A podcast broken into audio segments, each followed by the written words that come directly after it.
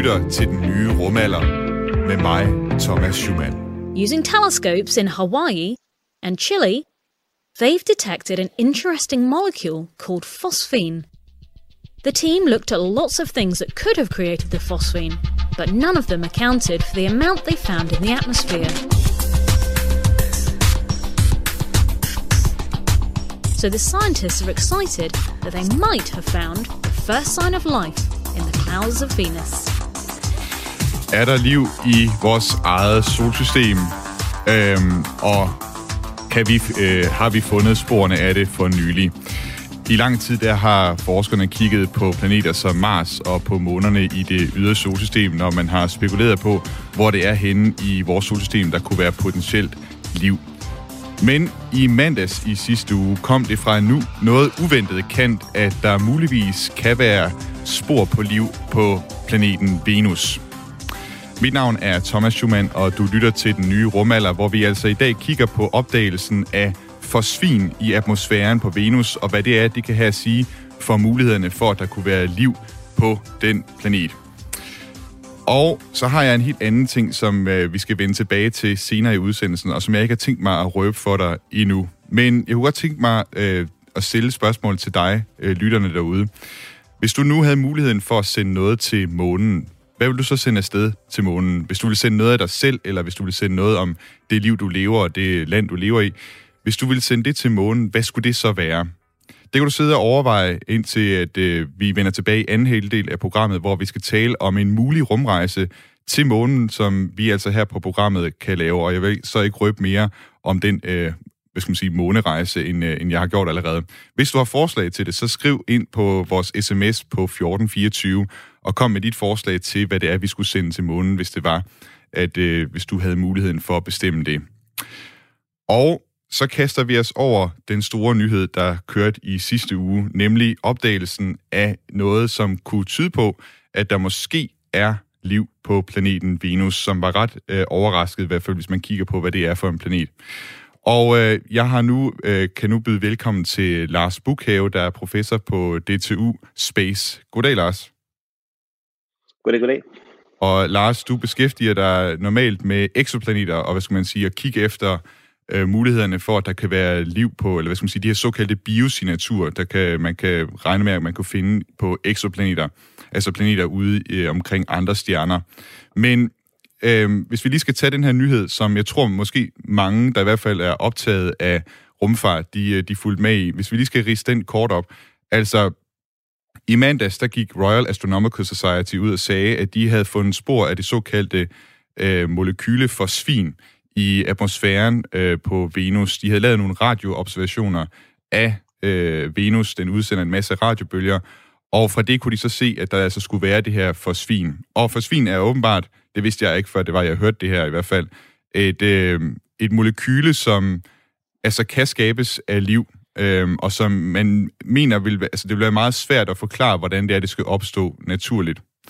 Men øh, det er, hvad vi lige skal starte med, med dig, Lars, og lige få forklaret det, det arbejde, du laver med exoplaneter, øh, hvad, hvad, det, hvad det går ud på. Fordi det er jo lidt, det er lidt nogle af de samme teknikker, man skulle bruge, øh, når man skal prøve at lede efter liv på exoplaneter, som det er, man skal bruge, øh, eller som man har brugt her i virkeligheden i forhold til Venus. Kan du lige prøve at forklare, hvad det er, du laver med exoplaneter, og hvordan det er relevant for jagten på liv? Jo, det kan jeg bestemt. Øh, altså, vi kigger på, på planeter omkring andre stjerner, såkaldte exoplaneter. Det er sådan set bare alle andre planeter end dem, der er i vores solsystem, øh, Øh, vores eget solsystem. Og vi, vi prøver at karakterisere dem, så vi kan prøve at finde ud af, hvad det er for nogle miljøer, og hvad, hvad det er for noget, øh, hvad for nogle atmosfærer der er, hvad for nogle omstændigheder, der kunne være på planeter omkring andre stjerner, for at der kunne opstå liv, ligesom vi kender det her på jorden.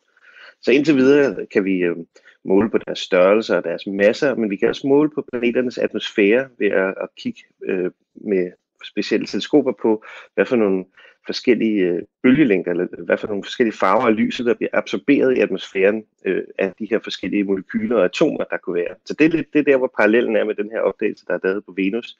Det er også ved at kigge på atmosfæren af planeten, og hvad for noget, hvad for nogle øh, i det her tilfælde øh, molekyler, der, der absorberer ved en bestemt bølgelængde. Og det kan vi altså også gøre med planeter omkring andre stjerner og lede efter biosignaturer. For eksempel som ilt jo er her på jorden. Ilt er jo, er jo lavet af fotosyntese af liv her på jorden, og vi har 21 procent ild i atmosfæren langt, langt ude af kemisk ligevægt. Og det er altså på grund af, af, af planter øh, og fotosyntese, at vi har den her ekstremt kraftige biosignatur i atmosfæren på jorden. Så altså, og, og det man har gjort i forhold til Venus her, det er, det er så radiobølger, som man, som man, hvor man har kunne se, at at molekylet for svin har absorberet noget, noget af de her radiobølger ved en bestemt bølgelængde, og det er virkelig det samme, som man vil gøre i forhold til eksoplaneter, ikke? Altså, hvor det så bare er lyset fra stjernen, og hvad det er for noget lys, der bliver absorberet der. Det er der, man vil kunne, så at sige, detektere øh, for eksempel ilt i atmosfæren, når man kigger på sådan en øh, eksoplanet. Præcis. Ja. Jamen det er præcis det, og, og lys er jo, altså radiobølger og, og, og optisk lys er jo det samme, elektromagnetiske lys, så, så, så det er det præcis samme idé, det er bare et andet bølgelængdeområde, der, vil, der er tale om her. Ild vil vi nok kigge på i det optiske eller det infrarøde. Øh, vi kan... Lars, er du der stadig? Alle de stoffer op, absorberer, og det vil sige, at man kan få et spektrum af, af, af planet, Lars, du, øh, du faldt lige ja, lidt ud. Øh, jeg ved ikke, om du vil gentage det, du sagde. Hallo? Ja, kan du høre mig nu? Hallo? Hallo, Lars? Ja. Jo, øh, jo det, var, det var simpelthen bare... Kan du høre mig? Jeg kan sagtens Hallo? høre dig. Hallo? Hallo? Jeg kan sagtens høre dig. Er du, er der? Ja. Okay. Jamen, så, der er bare lidt forsinkelse på, øh, på lyden. Nå, for det øhm, jeg siger bare, at man kan alle forskellige stoffer, ilt, metan, CO2, vanddamp osv., de absorberer ved forskellige bølgelængder. Og man kan altså få et spektrum, altså et, et, en beskrivelse af, hvad skal man sige, hvad for nogle stoffer, der er i atmosfæren af en anden planet. Og derved kan vi leve, lede efter de her øh, biosignaturer, altså tegn på liv i atmosfæren på andre planeter, som er skabt af øh, biologisk liv, som ikke kan forklares på anden måde. Og det er lidt samme, øh, samme idé, de har her. Øh, Ja, jeg tænkte på, øh, Lars... Ja, jeg tænkte på, hvad, hvad, hvad tænker du egentlig om opdagelsen af fosfin i Venus' atmosfære? Sad du der i mandags og havde bare armene i vejret og tænkte, det her, det er yes, nu har vi opdaget, øh, nu har vi fået en rigtig godt tegn på, at der simpelthen er liv i Venus' atmosfære?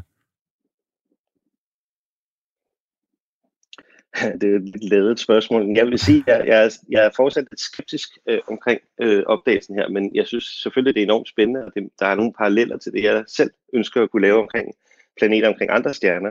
Men der er en række ting, som, hvor jeg er en lille smule skeptisk over for opdagelsen, så jeg, jeg synes, det er fantastisk spændende selvfølgelig, hvis, og specielt hvis det, hvis det er sandt, men, øh, men jeg kunne godt tænke mig at se lidt ekstra øh, hvad skal man sige, øh, øh, undersøgelser for at være sikker på, om det rent faktisk er liv, fordi øh, det er ret, altså vil være en enorm opdagelse, ikke? At finde øh, liv et andet sted end på jorden, det er måske en af de største opdagelser, menneskeheden nogensinde øh, har gjort en af de største spørgsmål inden for forskning øh, overhovedet. Så, så, der, så ekstraordinær, hvad skal man sige, øh, opdagelser kræver også ekstraordinær øh, evidens.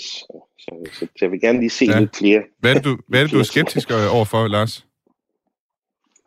Jo, men øh, for det første så øh, er øh, fosfin jo opdaget, som vi snakkede om, ved at der er blevet absorberet noget, noget en, en bølgelængde i, i radiobølgerne her, en bestemt, øh, en bestemt farve eller en bestemt bølgelængde. Normalt vil man have flere øh, skal såkaldt spectral fingerprints, som det hedder på engelsk, altså det vil sige flere absorptionslinjer ved forskellige bølgelængder, så man kunne verificere, at man ser det samme signal forskellige steder. Men her har forskerne altså kun været i stand til at måle én enkelt linje.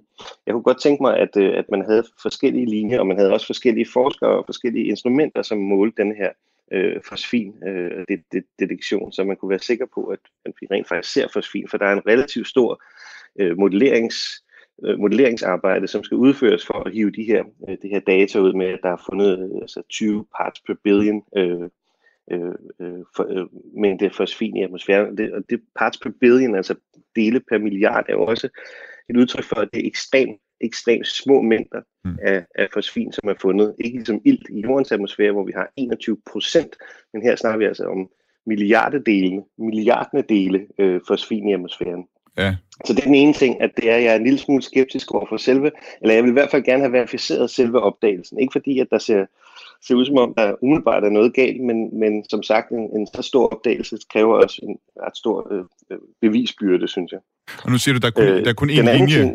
Undskyld, du siger, der er kun én linje, med sådan en observationslinje. Jeg ved ikke, om du kan gøre det lidt mere konkret, hvad, hvad, hvad det vil sige, og hvorfor det er, at man, du, man gerne vil have mere end bare en enkelt observationslinje. Altså det er jo igen, det er jo igen det her med, at det er nogle radiobølger, som kommer fra Venus, som vi ser, og så kan vi se, der mangler, lad, lad os sige, der er, noget, der, der er noget, noget af den radiobølge, som er blevet absorberet i atmosfæren, men du siger, det er kun, det er kun en enkelt linje på den her, på, på, af de her bølger, vi ser.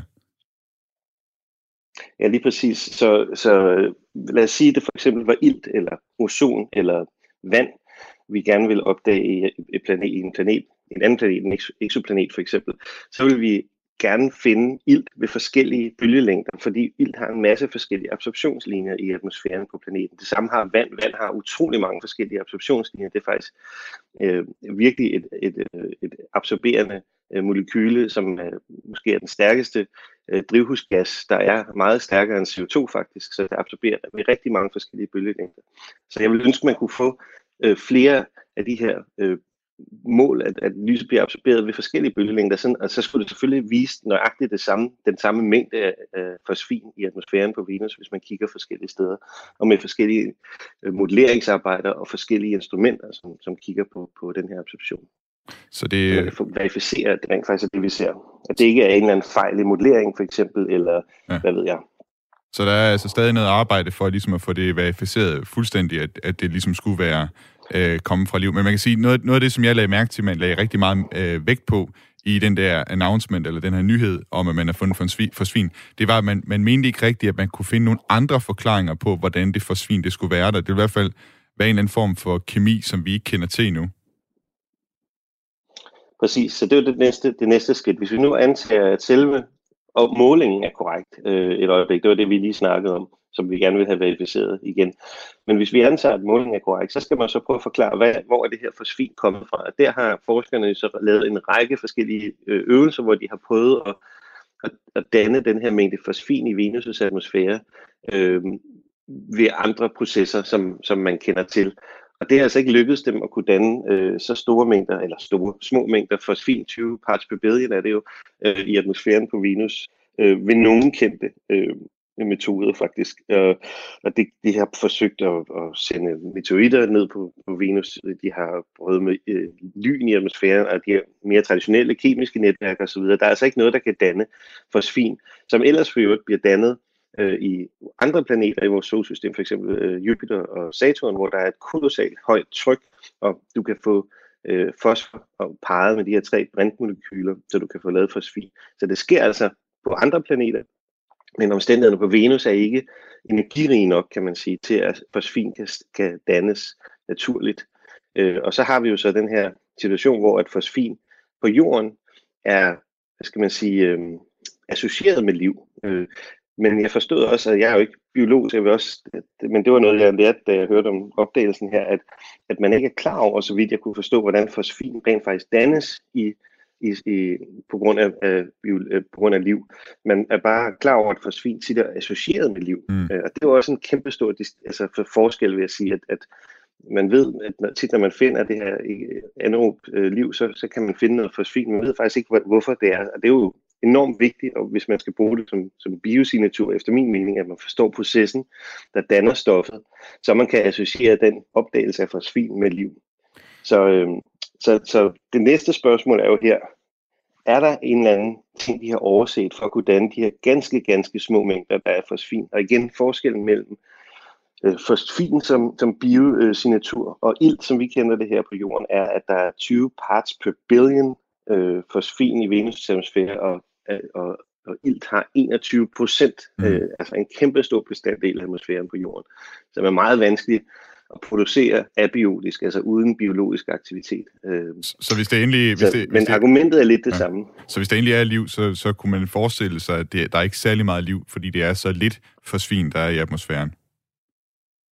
Det, det er jeg ikke sikker på, at man kan sige, fordi at, at man, det er noget med, at, at faktisk de mængder, der er på, selvom det er meget små mængder, så er det ens betydende med mere øh, fosfin, end der bliver produceret, så vidt jeg kunne forstå. Eller det, det er jeg ikke helt med på, men jeg, jeg er ikke sikker på, at man kan, man kan sige, at de 20 parts betyder meget lidt liv, men, øh, men, men øh, det jeg kunne forstå var, at det bliver nødt til at blive øh, løbende skabt, det her fosfin på Venus, ellers så vil det forsvinde øh, i atmosfæren øh, af naturlige årsager også øh, med tiden. Så man bliver nødt til at skabe det hele tiden. Jeg, jeg skal ikke kunne sige, hvor meget liv det ligesom indikerer, det her fosfin. Mm. Og det er jeg heller ikke sikker på, at man er helt klar over, faktisk, hvis jeg skal. Men, øh. Man kan sige, der var egentlig også en del, der taler imod, at der skulle være liv på Venus, hvis vi nu ser på planeten. Altså, vores, vores forståelse af Venus har ændret sig en del over tid. Det kan man blandt andet aflæse, hvis man lytter til Gustav Holst, Gustav Holsts øh, symfoni, øh, hans anden sats i øh, planetsymfonien øh, Venus,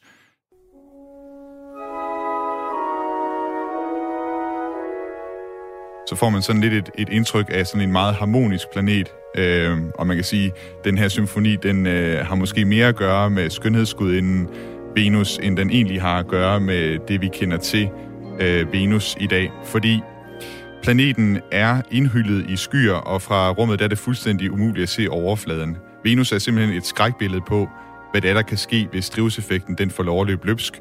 Atmosfæren består nærmest udelukkende af koldioxid, og temperaturen ved overfladen den når helt op på 475 grader Celsius. Det er simpelthen så varmt, at bly det smelter. Så, og desuden så fra øh, himlen, der regner der svovldioxid, og den tykke atmosfære, den gør også, at lufttrykket på overfladen, den svarer til trykket 1 km under overfladen. Og det er også af samme grund, at det kun er få rumsonder, der har klaret rejsen ned til Venus' overflade. Sovjetunionen det er de eneste, der er lykkedes med det, og i løbet af 70'erne og 80'erne, der landede de 10 rumsonder, som sammenlagt nåede at transmittere 110 minutters data fra Venus' overflade, før de altså bukkede under for varmen og for trykket. Og Sovjetunionen det var også i stand til at frigive ballonger i atmosfæren, der skulle indsamle data fra øh, Venus' atmosfære. Så man kan sådan altså sige i virkeligheden, i stedet for at spille Gustav Holsts øh, Venus, øh, symfoni, så bliver man nok, altså så er det nok nærmere sådan noget som det her musik, man skal spille, hvis man virkelig skal karakterisere øh, forholdene på Venus.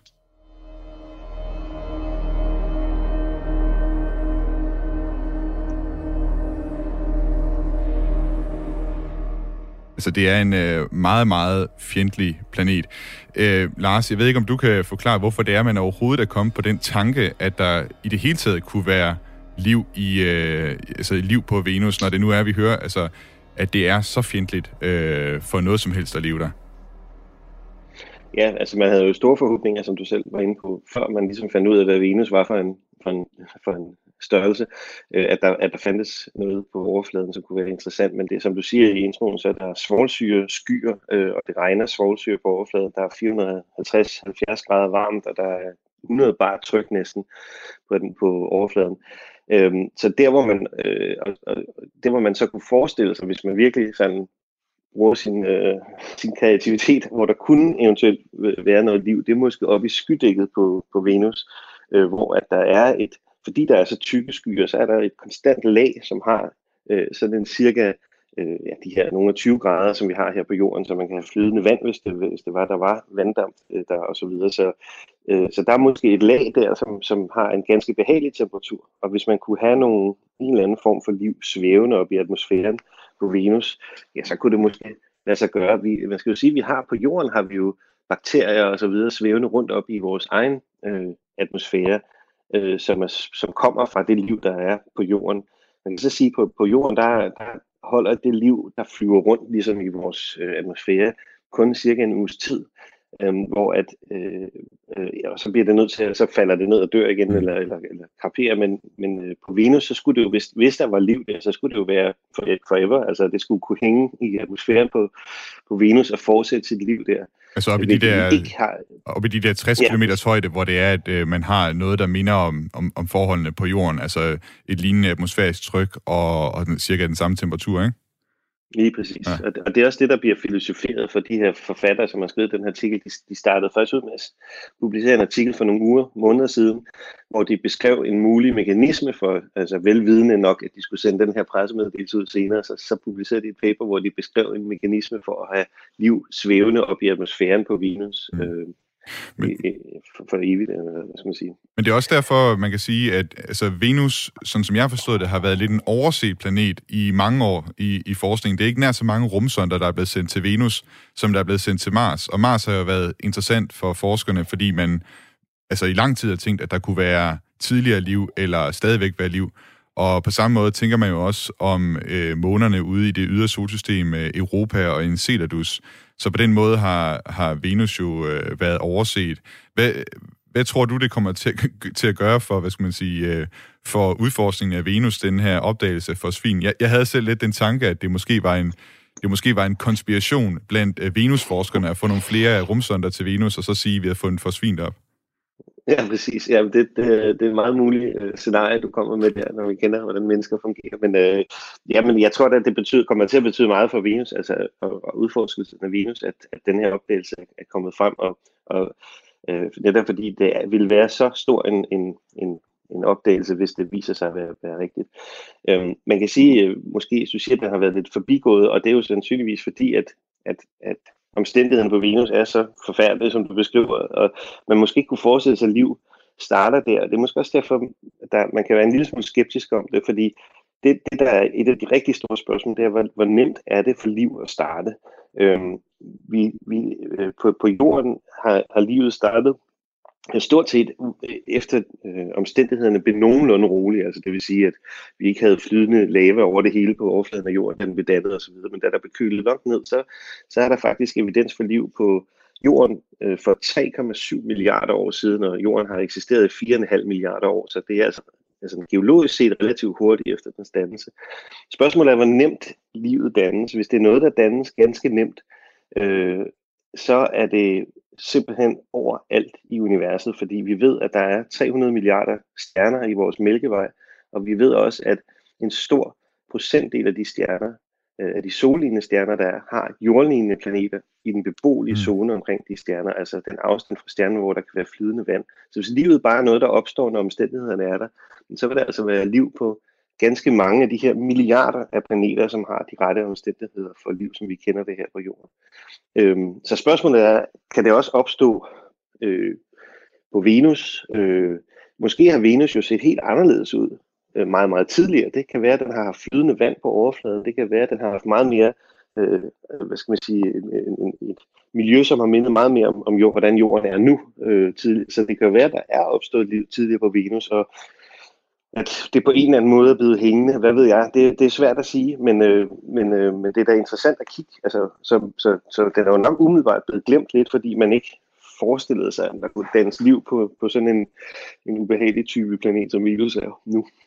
Ja, det blev jo også beskrevet som vores øh, søsterplanet, ikke? Altså, fordi den egentlig har samme, cirka samme størrelse som, som Jorden, men så på alle andre punkter, der ligner den overhovedet ikke Jorden. Og øh, jeg, havde også, jeg havde hørt en teori om, at altså, hvis man forestiller sig Venus' øh, tidlige øh, ungdom, lad os sige det sådan, altså hvor måske forholdene er mindet om, mere om dem på jorden, at så langsomt er den blevet varmet op og blevet til det helvede i dag, men det er måske taget mange tusinder, hvis ikke millioner år, før det er sket, og så langsomt kunne livet ligesom migrere op i de der egne, hvor det er, at, at hvad skal man sige, det, der stadig var betingelser for det. Det var i hvert fald en teori, jeg har hørt. Ja, det kunne man, altså det er jo igen, ikke? altså fantasien sætter vel grænserne, det er også derfor, vi skal ud og måle på det ordentligt, ikke? Og, og finde ud af, hvad der foregår. Men ja, man kunne forestille sig, at Venus måske har mistet sit vand øh, langsomt, fordi Venus er også lidt varmere end jorden, den er. Øh, øh, den er lidt tættere på, på solen og modtager lidt mere øh, øh, stråling, og det kan være, det er lige præcis den forskel, der gør, at, at vandet er fordampet. I, i, altså vi regner med, at der har været vand på Venus, det er så fordampet, og så har man mistet den her øh, feedback-mekanisme, der er på jorden, hvor at, at der er regn, og, og CO2'en regner, regner ud ned på jorden, øh, som vi jo har i jordens atmosfære. På et eller andet tidspunkt, hvis man har mistet vandet, fordi det er blevet transporteret højt op i atmosfæren, så kan man photodissociate det, som det hedder, altså det vil sige, øh, solens fotoner kan, spr- kan sprænge vandet, sådan så det bliver til ilt og, og brint, og brinten forsvinder ud af, af Venus' atmosfære, ilten øh, forbinder sig til en eller anden form for rust, og så mister man langsomt vandet på, mm. på Venus, som det er nu, hvor der faktisk slet ikke er noget vand tilbage. Og så har man den her helvede CO2 runaway øh, øh, effekt, hvor man har enormt meget CO2 i atmosfæren, som ikke kan blive fjernet, fordi der ikke længere er den her Walker feedback mekanisme, altså hvor vandet regner ud, regner ned på, på overfladen af planeten. Lars øh, Bukhave, professor på D2 Space. Tak fordi du var med og tale mere om den her opdagelse af forsvin i atmosfæren på, på Venus. Selv tak. Du må have det godt. Tak. Hej. Og jeg kan se, at uh, sms'erne allerede tigger ind her i forhold til, hvad det er, vi, øh, der skal sendes til månen, hvis det var, det stod til jer øh, derude. Jeg kan blandt andet se, at der er en, der skriver ind, svigermor til månen og hellere, helst videre til Venus. Så det er jo meget apropos det, vi øh, lige har talt om. Men øh, det bliver altså det, som vi øh, vender tilbage til lige om lidt. Nu skal vi til noget, som jeg har glædet mig helt vildt meget til at fortælle om. For jeg har nemlig fundet en måde, hvor at vi, og med vi, der mener jeg, du og jeg, og alle andre, der sidder og hører det her, at vi kan lave vores helt egen rumrejse. En rumrejse til månen.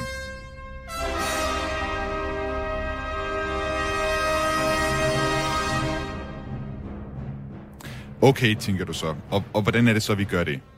Jo, den amerikanske virksomhed Astrobotic, de er i gang med at udvikle et månelandingsfartøj, og det skal de bruge til at lande isenkram for NASA og alle andre, der har dybe nok lommer til at sende ned op til månen.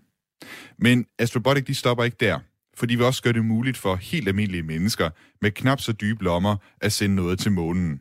Og derfor er de gået sammen med det tyske pakkeleveringsfirma DHL og har lavet produktet Moonbox, hvor man altså kan få sendt en ganske lille ejendel til månen. Det kan være en ring, et øh, familiefoto eller en tot hår. Den mindste og billigste Moonbox, man kan købe, det er stort nok til kun at kunne rumme et micro SD-kort. Det er altså et digitalt hukommelseskort, der ikke er meget større end en lille fingernegl. Og det gav mig den her idé om at invitere alle jer derude til at bestemme, hvad der skal være på det her SD-kort. Og hvis I har lyst, måske også at sende nogle af jeres egne beskeder, hilsner eller breve med til månen. Vi kunne lave det til en slags hilsen fra Danmark, eller en tidskapsel om os danskere. Vi kunne simpelthen sende Danmark til månen med det her SD-kort.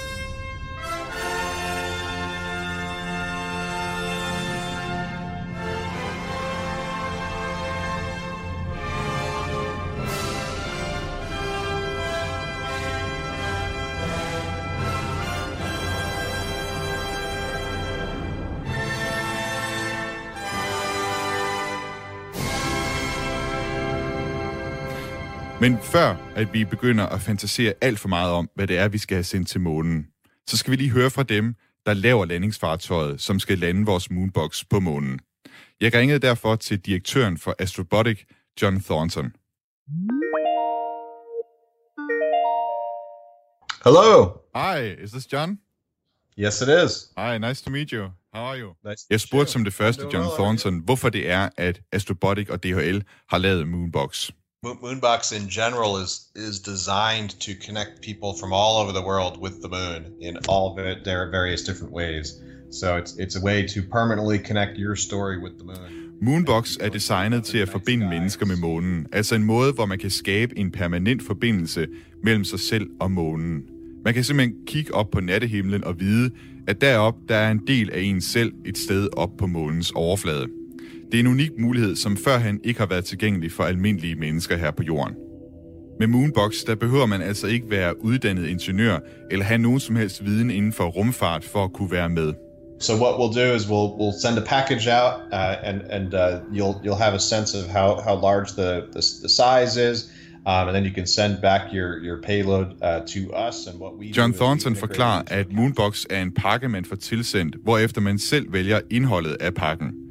Herefter så sender man pakken tilbage til Astrobotics, og de sørger så for at integrere den som en del af den kapsel, der skal være på landingsfartøjet, som sendes til månen. Og på den måde bliver ens Moonbox preserveret på månen i al evighed. Astrobotics sigter efter at blive de første til at lave en kommersiel landing på månens overflade. Og som John Thornton selv formulerer det, så kan det altså være starten på en ny æra inden for måneudforskning. Uh, so I think it's a, a really unique opportunity that, that previously only astronauts could do. Nu er det ikke fordi, at Astrobotic de regner med at score profit på alene at sende SD-kort og familiefotos til månen. Nej, Moonbox er for Astrobotic et sekundært projekt.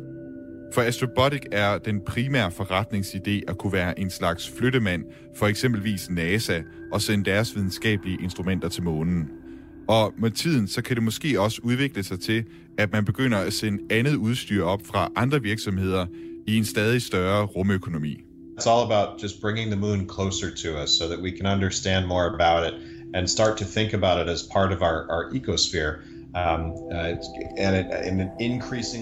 I sidste ende handler det om at bringe månen inden for rækkevidde, så vi kan blive klogere på den og tænke på den som en del af vores økosfære. Månen vil nemlig blive enormt vigtig i vores fremtid, når vi udvider vores udforskning af rummet. Og måske kan vi endda anvende nogle af de ressourcer og teknologier, som vi udvikler i rummet til at gavne os hernede på jorden. Potentially use some of those resources back here on Earth um, uh, for, uh, for for development and, and production, and, and maybe even some of the technologies that we learn and develop in space can can spiral back uh, back home. Contact light. We copy you down, Eagle. Listen, uh, Tranquility Base here. The Eagle has landed. Neil Armstrong og Buzz Aldrin de landede på månen i det såkaldte LEM landingsfartøj. Astrobotics landingsfartøj er ubemandet og hedder Peregrine og er næsten to meter højt. Peregrine lander starts on a uh, Vulcan launch vehicle, which is provided by United Launch Alliance down in Florida. Um, and that launch vehicle gets us the boost up to space. Peregrine uh, landingsfartøjet bliver sendt i rummet på Vulcan-raketten. Raketten giver landingsfartøjet det nødvendige boost, som det kræver for at komme i rummet, og selve turen til månen, den tager derefter fire dage. Når man endelig når frem til månen, så kommer den mest nervepirrende del af rejsen, hvor man skal forsøge at lande. There's no guarantee, of course. Um, landing on the moon is very difficult, and we, we've seen failures in, in recent history um, from from uh, some some very very advanced space programs. Der er ingen garanti for, at Astrobotic um, lykkes uh, i første hug med at lande på månen. Man har for eksempel førhen set, at avancerede rumprogrammer som for eksempel Indien, de har fejlet, da de forsøgte at lande deres landingsfartøj på månen.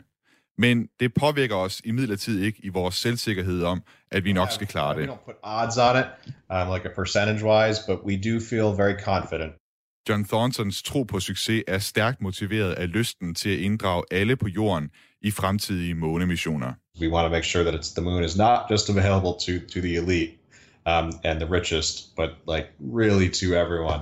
Uh, so, so that we can spread, uh, I sidste ende så handler det egentlig bare om, at Astrobotic og DHL vil sørge for, at månen ikke kun er tilgængelig for de rige og for eliten. Alle skal have mulighed for at være en del af den fantastiske udforskning af rummet. Uh, so so that we can spread uh, spread that cool, awesome feeling of the exploration and the excitement of uh, of space. Men selvom de her moonboxes, de egentlig er til for alle, så er der nu engang begrænset plads ombord på Peregrine landingsfartøjet. Og det går pludselig op for mig i min samtale med John Thornton, at jeg bliver nødt til at finde tegnebogen frem nu, hvis jeg skal sørge for, at mit SD-kort kommer med på Astrobotics første tur til månen. The moon boxes that we'll, that we're collecting now are going to go on our first flight. Right now, the the uh, we have a little bit of space left on the first mission, uh, and luckily, Moonbox is, is very small, so that we can uh, we can fill that. Det landingsfartøj, som tager afsted til næste år i 2021 med den første samling af Moonboxes, den er ved at være fyldt op. Så hvis man vil nå at være en del af en ny historisk månerejse og have sin egen personlige Moonbox, så skal man ikke tøve. So, so if I go out uh, and buy a slot today, it will go on the first mission uh, that will be going to the moon next year. That's correct. Okay. Wow. So I have to be quick, I guess, in order to be on that first one. Indeed. Det var altså torsdag i forrige uge, at jeg talte med John Thornton, og dagen efter gik jeg så ind på Google og søgte på Moonbox, og købt en plads på Peregrine landingsfartøjet til at sende et SD-kort til månen. Det kostede mig kun 3.200 kroner. Bagefter fik jeg en mail om, at jeg inden for 5 til 8 uger vil modtage en æske med posten, der skal opbevare SD-kortet, og som jeg så skal sende tilbage til Astrobotics, så de kan sende den fast på, altså de kan sætte det fast på landingsfartøjet. Jeg har købt som sagt Moonboxen for, altså fredag for to uger siden, og æsken den skal være sendt tilbage til Astrobotics senest 60 dage fra, at jeg har modtaget den. Så vi har nu omkring 3 og 4 måneder til at finde ud af, hvad det er, vi skal sende til månen i den her Moonbox.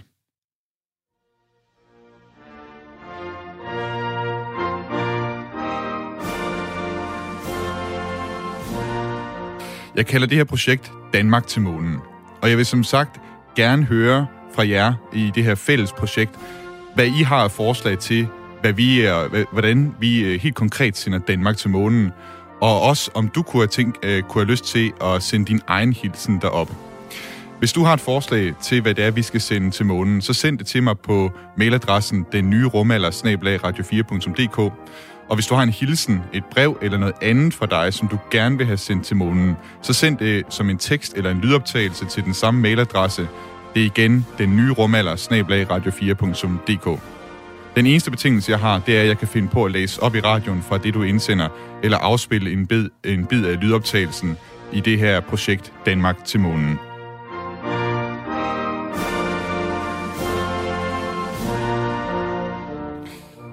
Så vidt jeg ved, så har der aldrig været nogen, altså, der, eller det ved alle selvfølgelig, der har aldrig været nogen dansk astronaut på månen, og så vidt jeg ved, så heller ikke nogen dansk satellit eller et landingsfartøj, der er oppe på månen lige nu. Jeg tror simpelthen ikke, der findes noget dansk isenkram på månen.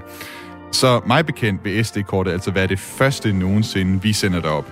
Og der er altså ikke vind og vejr på månen, så med mindre der kommer nogen og ligesom forstyrrer stedet, øh, eller henter SD-kortet med tilbage til jorden igen, så kommer SD-kortet til at være der i tusinder, millioner, hvis ikke milliarder år.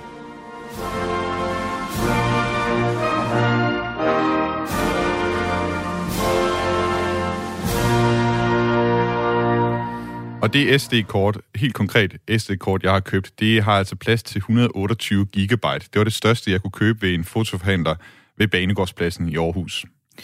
128 gigabyte. Det svarer til cirka 32 film, spillefilm i HD-kvalitet. Med andre ord kunne man også have hele, hvad skal man sige, øh, hele øh, Matador-serien på det her SD-kort. Og så er der plads til tusindvis af billeder og endnu flere Word-dokumenter og et overflødighedshorn af lydoptagelser. Og nu har jeg altså ikke endnu fået nogen forslag fra jer om, hvad det er, der skal på kortet, andet end de sms'er, der tigger ind øh, lige for tiden, og som jeg regner med at tage til sidst i udsendelsen. Men altså, jeg er ikke kommet så langt med, hvad det er for, altså med mine idéer i forhold til det er, øh, hvad vi skal putte på det her SD-kort. Men så kom jeg i tanke om Voyager-rumsonderne. Og jeg ved ikke, om du kender Voyager-rumsonderne, men i 1977, det blev Voyager 1 og Voyager 2 sendt i rummet på et tidspunkt, hvor de kunne besøge alle de ydre planeter. Jupiter, Saturn, Uranus og Neptun. Rumsonderne de havde så høj en fart, at de undslap tyngdekraften fra solen, og nu er de på vej ud af Mælkevejen. Og fordi man fra NASA's side vidste, at Voyager 1 og 2, de bare kommer til at fortsætte deres rejse ud i det tomme verdensrum i flere tusinder, hvis ikke millioner år, så fik man altså ideen at give dem et slags postkort med fra jorden, hvis nu der skulle være nogen derude, som finder rumsonderne en dag. Postkortet, det var en gylden plade med lyde, billeder og information om os mennesker på jorden, og øh, den blev altså kaldt The Golden Record. Så det er lidt det samme NASA, de gjorde dengang, som vi nu gør med vores SD-kort. Skønt det her SD-kort altså kun skal til månen og ikke ud blandt stjernerne i Mælkevejen. Derfor tænkte jeg, at det kunne være sjovt at få inspiration fra en af dem, som arbejdede med Voyagers hilsen i sin tid. Hello. Hi, it works. Hi. It actually works. It works, yes. Uh, you know, we've both been Efter noget bøvl med at få Zoom til at virke, så fik jeg altså fat i Andriane i sidste uge, og hun var den kreative direktør bag The Golden Record. Hvis du har set filmen Contact, så er den kvindelige hovedkarakter i filmen baseret på Andriane. Hun var nemlig gift med den kendte videnskabsformidler og astronom Carl Sagan, der skrev bogen bag filmen. Og det var også Carl Sagan, der gav Andriane muligheden for at arbejde på Voyagers Golden Record. Andriane, hun er også kvinden bag den populære videnskabsserie Cosmos, der lige nu har Neil deGrasse Tyson som vært. I was extremely lucky, unbelievably lucky. I had worked with Carl Sagan and uh, a small group to design uh, Anne fortæller, at hun var super heldig at få lov at arbejde med Voyagers Golden Record. Hun arbejdede egentlig i 1976 med en lille gruppe, inklusiv Carl Sagan, på et videnskabsprojekt til børn. Men da Carl fik chancen for at lave Voyager-projektet, så valgte Carl altså Anne som kreativ direktør på projektet. Og det var altså i en tid, hvor sexisme var meget udtalt, og man generelt ikke havde stor tiltro til kvinders færdigheder. Som Anne formulerer det, så var det lidt modvilligt, at NASA gik med til at lave The Golden Record. Men der havde været så stor folkelig interesse og begejstring, da man nogle år forinden havde sendt Pioneer 10 og 11 afsted ud i Mælkevejen med en guldbelagt aluminiumsplade med en indgravering af en mand og en kvinde som et slags postkort til fremmede væsener. Med Voyager 1 og 2 skulle der imidlertid være meget mere end bare en indgravering på postkortet, og det var Annes opgave at finde ud af, hvad der skulle med. So there were greetings in 59 human languages and one non-human language, uh, the songs of the Med ombord var der hilsner på 60 forskellige sprog. Oiknis poteste chairete. Eirenikos pros philos elelythamen philoi. Paz e felicidade a todos. 各位好嘛，祝各位平安健康快乐。 Аданешлу шулму. Здравствуйте, приветствую вас. สวัสดีค่ะสหายนายธรณี Og det var ikke kun menneskesprog, der var med. Et af dem, det var også lyden af valsang.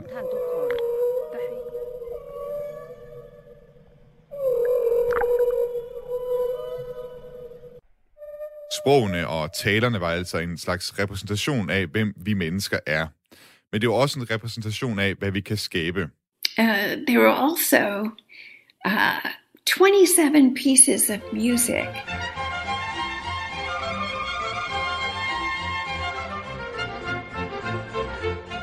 Der var 27 forskellige slags musik, og det var ikke bare Beethoven og Mozart. Nej, Andriane var opsat på at repræsentere alle former for musik fra hele verden. Everyone I worked with wanted to be as truly representative of the world's great musical traditions. Så der var både klassisk musik og lyden af aboriginernes didgeridoo med på The Golden Record.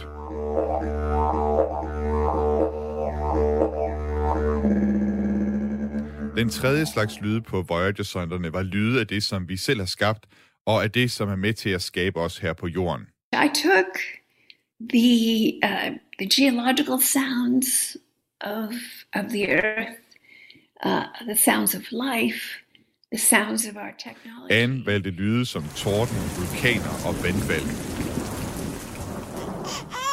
Der var lyden af en baby, som oplever livet for første gang, og lyden af teknologi, som vi har udviklet. Men der var også et ekstra lydklip med i den her kategori. Et lydklip, som var meget personligt for Anne.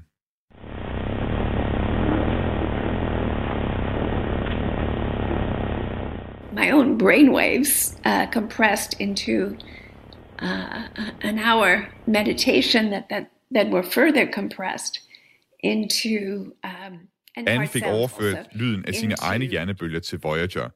Så man kan sige, at Anne er blevet en personlig del af rumsonden, og den dag i dag stadig svæver rundt i rummet. Men selvom det var en gylden LP, Anne og de andre sendte sted, så var der ikke kun lyde på The Golden Record. Der var også billeder.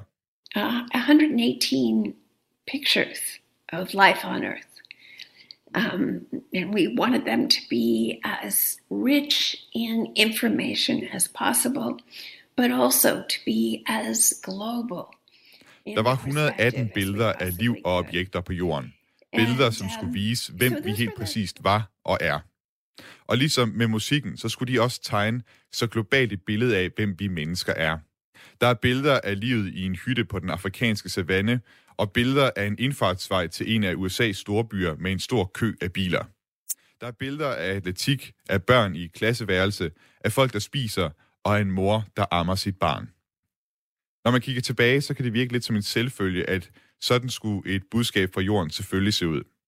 Men faktisk havde Anne og hendes hold mange og lange diskussioner om, hvad det helt præcist var, man skulle lægge på pladen.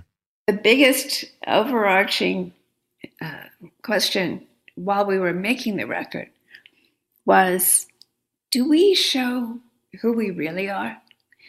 Do we show the Holocaust, the massacres of Cambodia? For hvad med alle de dårlige ting ved os mennesker? Viser vi også dem på vores postkort til evigheden? Viser vi holocaust og massakrene i Pol Pots Kambodja? Eller gør vi, som folk gør på Instagram i dag, og kun viser alle de gode ting, kun viser os fra vores gode side, altså den idealiserede udgave af menneskeheden? And Carl's reaction was was very wise. And he said, if we were to show a concentration camp or any of the atrocities, uh, then it might be deemed, if it could be interpreted, it might be deemed as a threat. Anne fortæller, at det var Carl Sagan, der tog en meget vis beslutning. Han sagde, at hvis man viser en koncentrationslejr, så kunne det måske tolkes som en trussel til dem derude.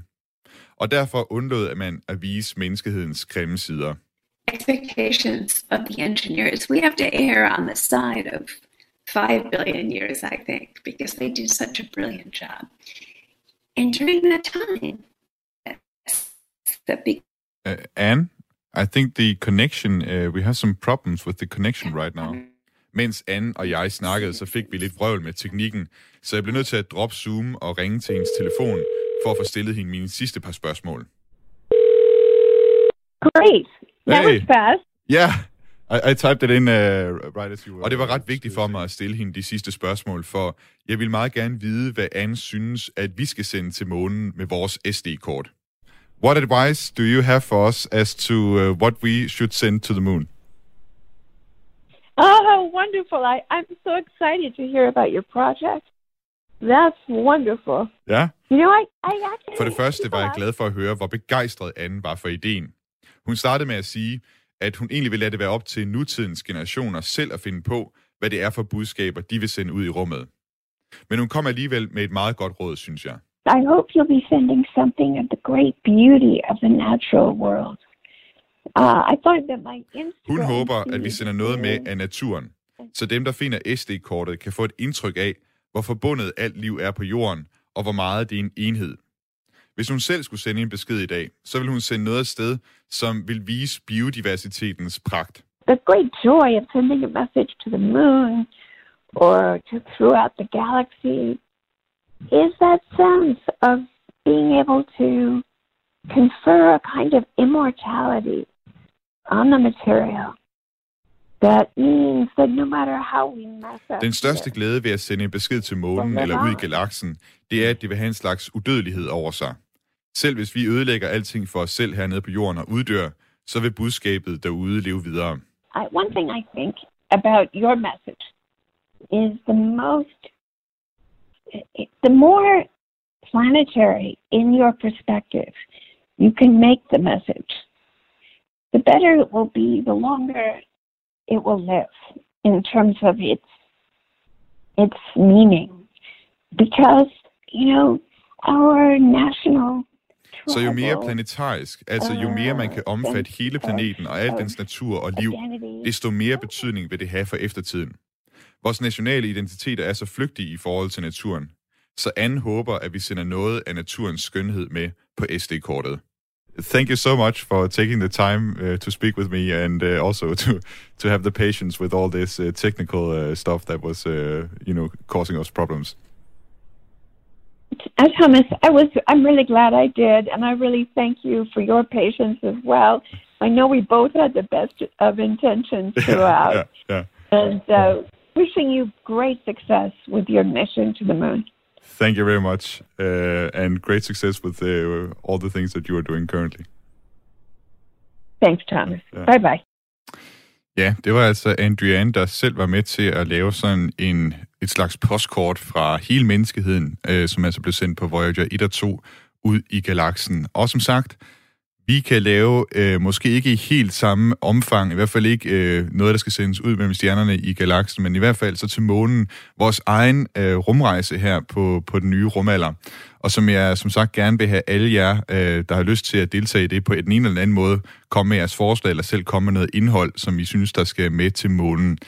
Jeg kan lige se her, at der er nogle sms'er ind øh, her i løbet af udsendelsen. Øh, der er blandt andet øh, Claus, der skriver, jeg vil sende udstyr til at lede efter organisk materiale herunder virus i månens vandressourcer for at undersøge, om astronauter skal passe på. Det var måske før han vidste, at det var et SD-kort, vi sender afsted, så vi kan desværre ikke sende så avanceret udstyr med op til månen. Så er der også Ina, der skriver, der skal sendes ingenting til månen. Den skal ikke forurenes, ligesom moder jord. Og det er jo en ærlig, hvad skal man sige, betragtning, man godt kan have.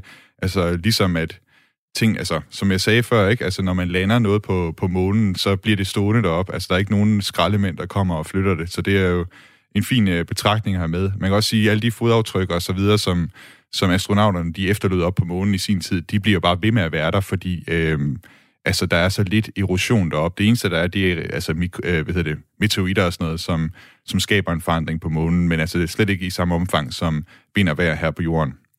Så er der også Mejl, der skriver, at det eneste, jeg vil sende til månen, er en selvkørende, robotiseret støvsuger-fabrik, som kan producere samtlige sine komponenter ud af månestøv.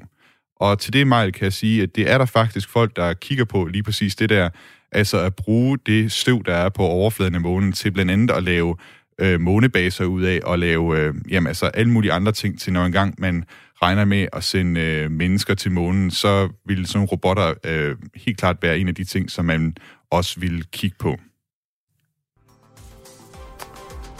Vi er nu nået til vejs ende for dagens udsendelse af den nye rumalder. Og som sagt, har, altså søsat, har vi søsat her et projekt om en øh, månerejse, altså hvor vi, jeg tænker i hvert fald, at vi kan sende Danmark til månen på den ene eller den anden måde.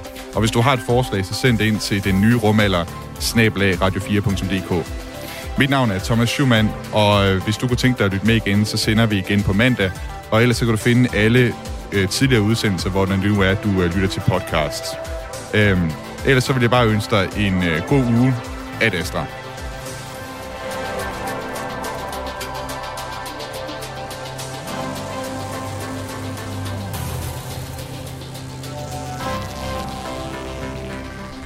About believing in, in the future and, and, thinking that the future will be better than the past. Um, and I can't think of anything more exciting than going out there and being among the stars. That's why.